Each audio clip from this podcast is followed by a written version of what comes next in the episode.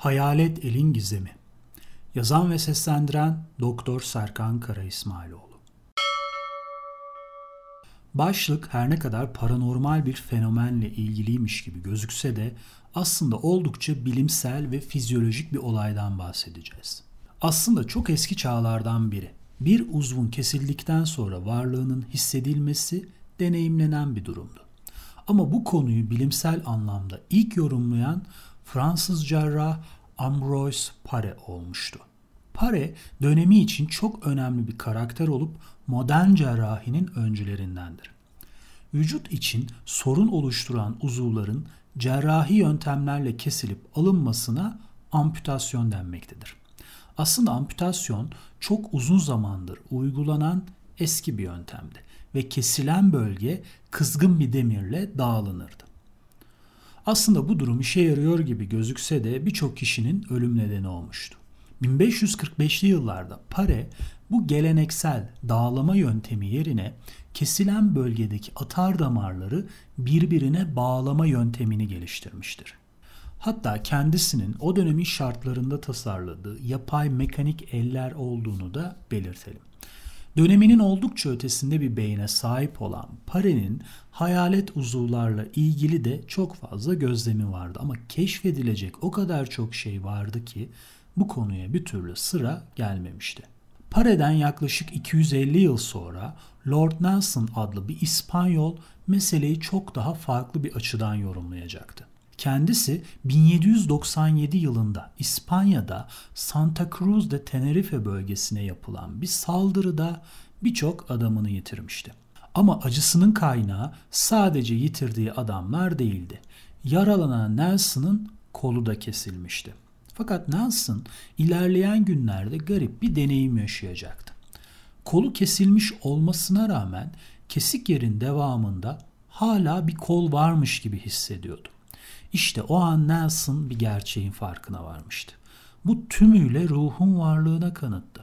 Sonuçta bir uzuv kesilip atıldıktan sonra bile hissedilebiliyorsa muhtemelen asıl hissedilen ruh olmalıydı.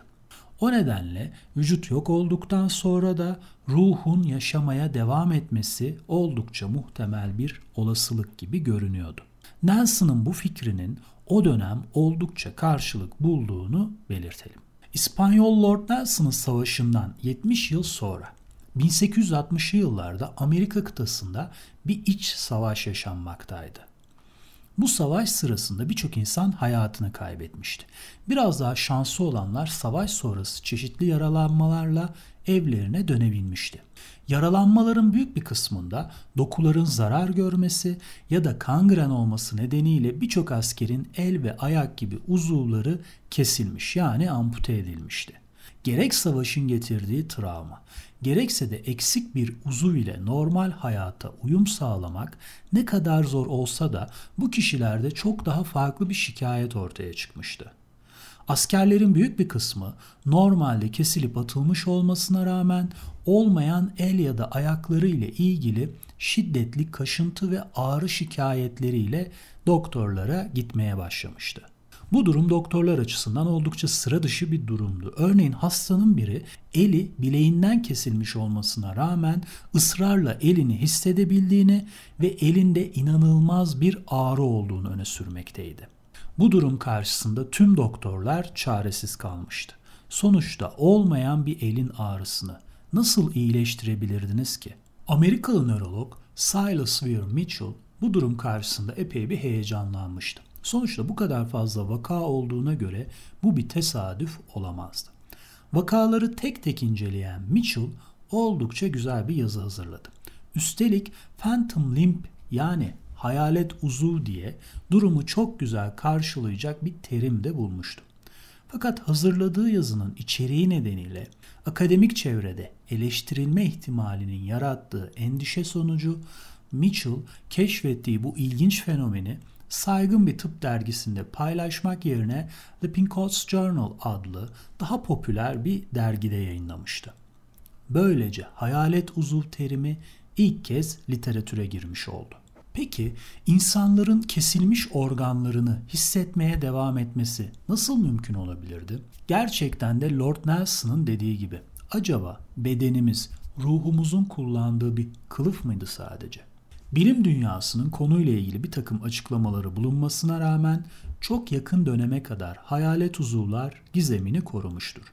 Bazı psikolog ve psikiyatrlar bu konunun psikolojik bir hissiyat olabileceğini öne sürmüşlerdi. Bu durumu yakın akrabası ölen bir kişinin rüyalarında sürekli kaybettiği kişiyi görmesine benzeyen bir olaymış gibi yorumlamışlardı. Daha mantıklı bir açıklamada ise bu hissin kesilmiş uzuvdan geri kalan dokuda yer alan sinir uçlarından çıkan uyarılar tarafından oluşturulduğu kabul edilmişti. Yani el kopmuş olsa da elden çıkıp beyine giden sinir liflerinin kolun içerisindeki kısmı zarar görmemişti. Bu nedenle buradaki sinir lifleri bir şekilde uyarı çıkardığında beyin sanki bu uyarıyı ilgili uzuvdan geliyormuş gibi hissediyor olabilirdi. Bilim dünyası uzun bir süre bu bilgiyi kabul etse de aslında durum bir miktar daha karışıktı. Benzer bir soru çok uzun bir süredir Kaliforniya Üniversitesi'nde çalışmalarına devam eden ünlü sinir bilimci Vilayanur Ramachandran'ın da kafasını meşgul etmekteydi. Ramachandran bir gün Tim Pons ve arkadaşları tarafından 1991 yılında maymun beyninde yapılan bir çalışmayı okuduğunda uzun zamandır aradığı cevabı bulmuştu. Bu çalışmayı en özet haliyle ifade edersek Pons ve arkadaşlarının beyin haritalandırması ile ilgili yaptığı bu çalışmada maymunun belirli uzuvlarını uyararak beyinde hangi bölgenin aktifleştiği incelenmişti. Örneğin hayvanın elini sıkıp beyinde aktifleşen bölge tespit edilerek bu bölgenin elle ilgili temsili alan olduğu öne sürülmüştü. Hatta elden beyine giden sinir liflerini kesip ilgili bölgede hala bir aktivasyon olup olmadığı da kontrol edilmişti. Bu kesi sonrasında hayvanın eline uyarı verilmesine rağmen beyinde elle ilgili bölgede bir aktivite gerçekleşmemişti. Bu da zaten beklenen bir durumdu ama deney sırasında çok ilginç bir sonuç ortaya çıkmıştı.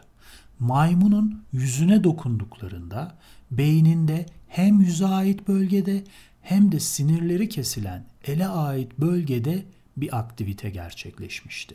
Tim Pons'un çalışmasındaki bu ilginç sonucu gören Ramachandran kafasında oluşan cevabı denemek için hemen konuyla ilgili bir test yapmaya karar verdi. Etrafındaki cerrah arkadaşlarını arayarak ellerinde yakın bir zamanda elini kaybetmiş bir hasta olup olmadığını sordu. Bir cerrah arkadaşının motosiklet kazası geçirdiği için eli kesilen bir hastasını kendisine yönlendirmesiyle ilginç bir deneyi hayata geçirecekti. Ramachandran asistanının ilginç bakışları altında hastanın gözlerini bir bantla kapattı ve onu bir koltuğa yerleştirdi. Daha sonra elindeki pamuklu bir çubuğu hastanın çeşitli yerlerine dokundurmaya başlayıp nereye dokunduğunu hastanın bilmesini istedi. Epey basit gözüken bu deneyde Ramachandran pamuğu nereye dokundurursa hasta o bölgeyi bilebilmekteydi. Ramachandran pamuğu hastanın yanağına sürdüğü sırada hasta çok ilginç bir tepki verdi. Normalde pamuğun yanağına değdiğini hissetmesine rağmen ilginç bir şekilde sanki olmayan elinin baş parmağına da dokunuluyormuş gibi hissettiğini söylemişti. Hastanın bu reaksiyonu Ramachandra'nın kafasında oluşan fikri doğrulamıştı. Pamuğu yanakta gezindirdikçe hasta sırayla var olmayan elinin tüm parmaklarını hissettiğini söylemişti. İlginç bir şekilde bu hissiyat kolun üst bölgesinde de oluşmuştu. Yani resimde de gösterilen bu bölgelere dokununca hasta olmayan eline dokunulduğunu hissetmekteydi. Ramachandran basit bir pamuk yardımıyla yıllardır gizemini koruyan önemli bir meseleyi çözmüş gibi gözüküyordu. Böylesine bir keşfi tıp dünyasına basit bir pamuk çubuk ve tek bir hasta ile kabul ettiremeyeceği için birçok hastada gerçekleştirdikleri beyin görüntüleme çalışmalarıyla bu bulguları desteklediler. Sonuçta hastanın yüzüne dokunduğunuzda var olmayan hayalet eline dokunmuş oluyordunuz. Peki oldukça garip olan bu olayın sebebi neydi? Bunu anlamak için sizleri sinir bilimin en önemli şahsiyetlerinden biri olan Wilder Penfield ile tanıştırmamız gerekecek. Penfield 1930'lu yıllarda beyni kısmen haritalamayı başaran mükemmel bir bilim insanıdır. İlk başlarda beyin cerrahı olmaktan şikayetçi olsa da kız kardeşinde ortaya çıkan beyin tümörü ve bununla ilgili zor bir ameliyat geçirmesi Penfield'ın bu konuya daha fazla ilgi göstermesinin temel nedeni olmuştu. Kendisi aslında epilepsi çalışıyordu. Epilepsi sırasında beynin bazı bölgelerindeki sinir hücrelerinin durup dururken yoğun bir şekilde aktivite göstermesi sonucu hasta nöbete girmekte, elinde karıncalanma ya da kötü kokular hissetme gibi deneyimler yaşamaktadır. Penfield bu epilepsi vakalarından esinlenerek beyni açıp çeşitli bölgeleri bir elektrot aracılığıyla uyarırsa belki de epilepsinin nereden kaynaklandığını keşfedebileceğini düşündü. Mesela bir bölgeyi uyardığında eğer hasta elinde karıncalanma hisseder ya da bir koku alırsa muhtemelen o bölge epilepsinin ortaya çıkmasına neden olan sinir hücrelerinin bulunduğu bölge olabilirdi. Böylece ameliyathanede kafasının tepesi açık ve ayık haldeki hastalarda seri bir çalışma başlatmıştı.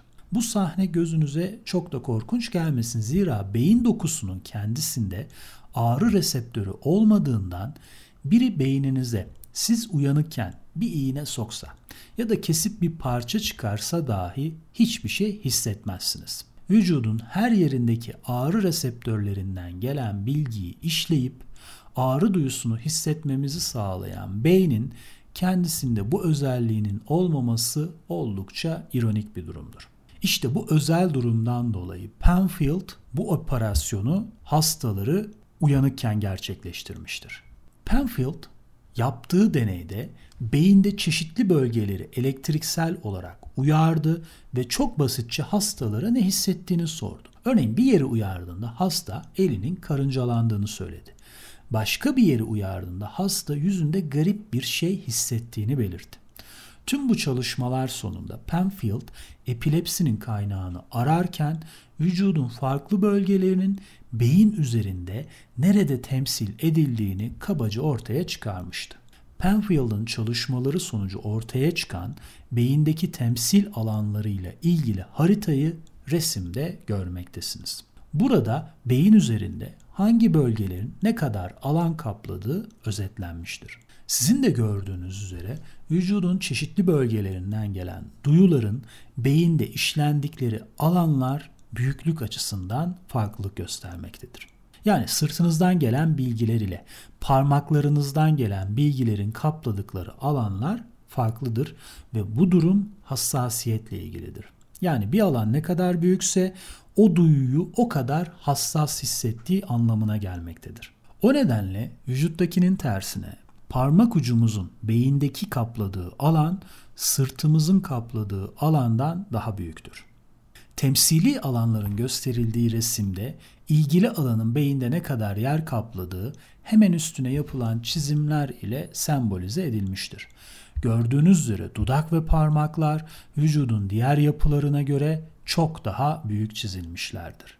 Çünkü bu bölgeler diğer bölgelere kıyasla daha hassastırlar. Aslında bu konunun da oldukça ilginç bir hikayesi bulunmaktadır.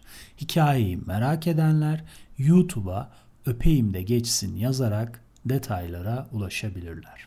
Hayalet uzuv meselesine dönecek olursak. Bu resimde bir şey daha dikkatimizi çekmektedir. Sizin de gördüğünüz üzere beyindeki temsil alanlarının komşuluğu vücudumuzdaki diziliş şeklinden bağımsızdır. Mesela yüzün hemen komşuluğunda gövde değil, el yer almaktadır. Yine cinsel organların komşusu olarak burada ayakları görmektesiniz.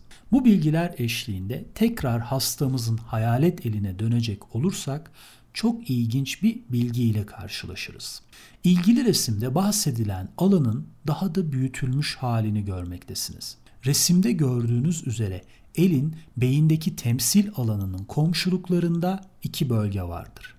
Bunlardan birisi yüze, diğeri ise kola ait bölgelerdir. İşte bu komşuluk ilişkisi hayalet uzuv meselesini açıklamaktadır. Normalde elden gelen duyuları hisseden bölge elin kesilip uzaklaştırılmasından sonra deyim yerinde ise boş kalmıştır. Beyinde her alan çok kıymetli olduğundan komşuluklarındaki yüz ve kol ile ilgili alanlar sınırlarını genişleterek adeta el ile ilgili alanı işgal etmişlerdir. O nedenle hastanın ne zaman yüzü ya da koluna dokunulsa ya da burada bir hareket meydana gelse bu bölgeden çıkan sinir sinyalleri beyinde eskiden eli algılayan bölgede aktivite oluşturmaktadır.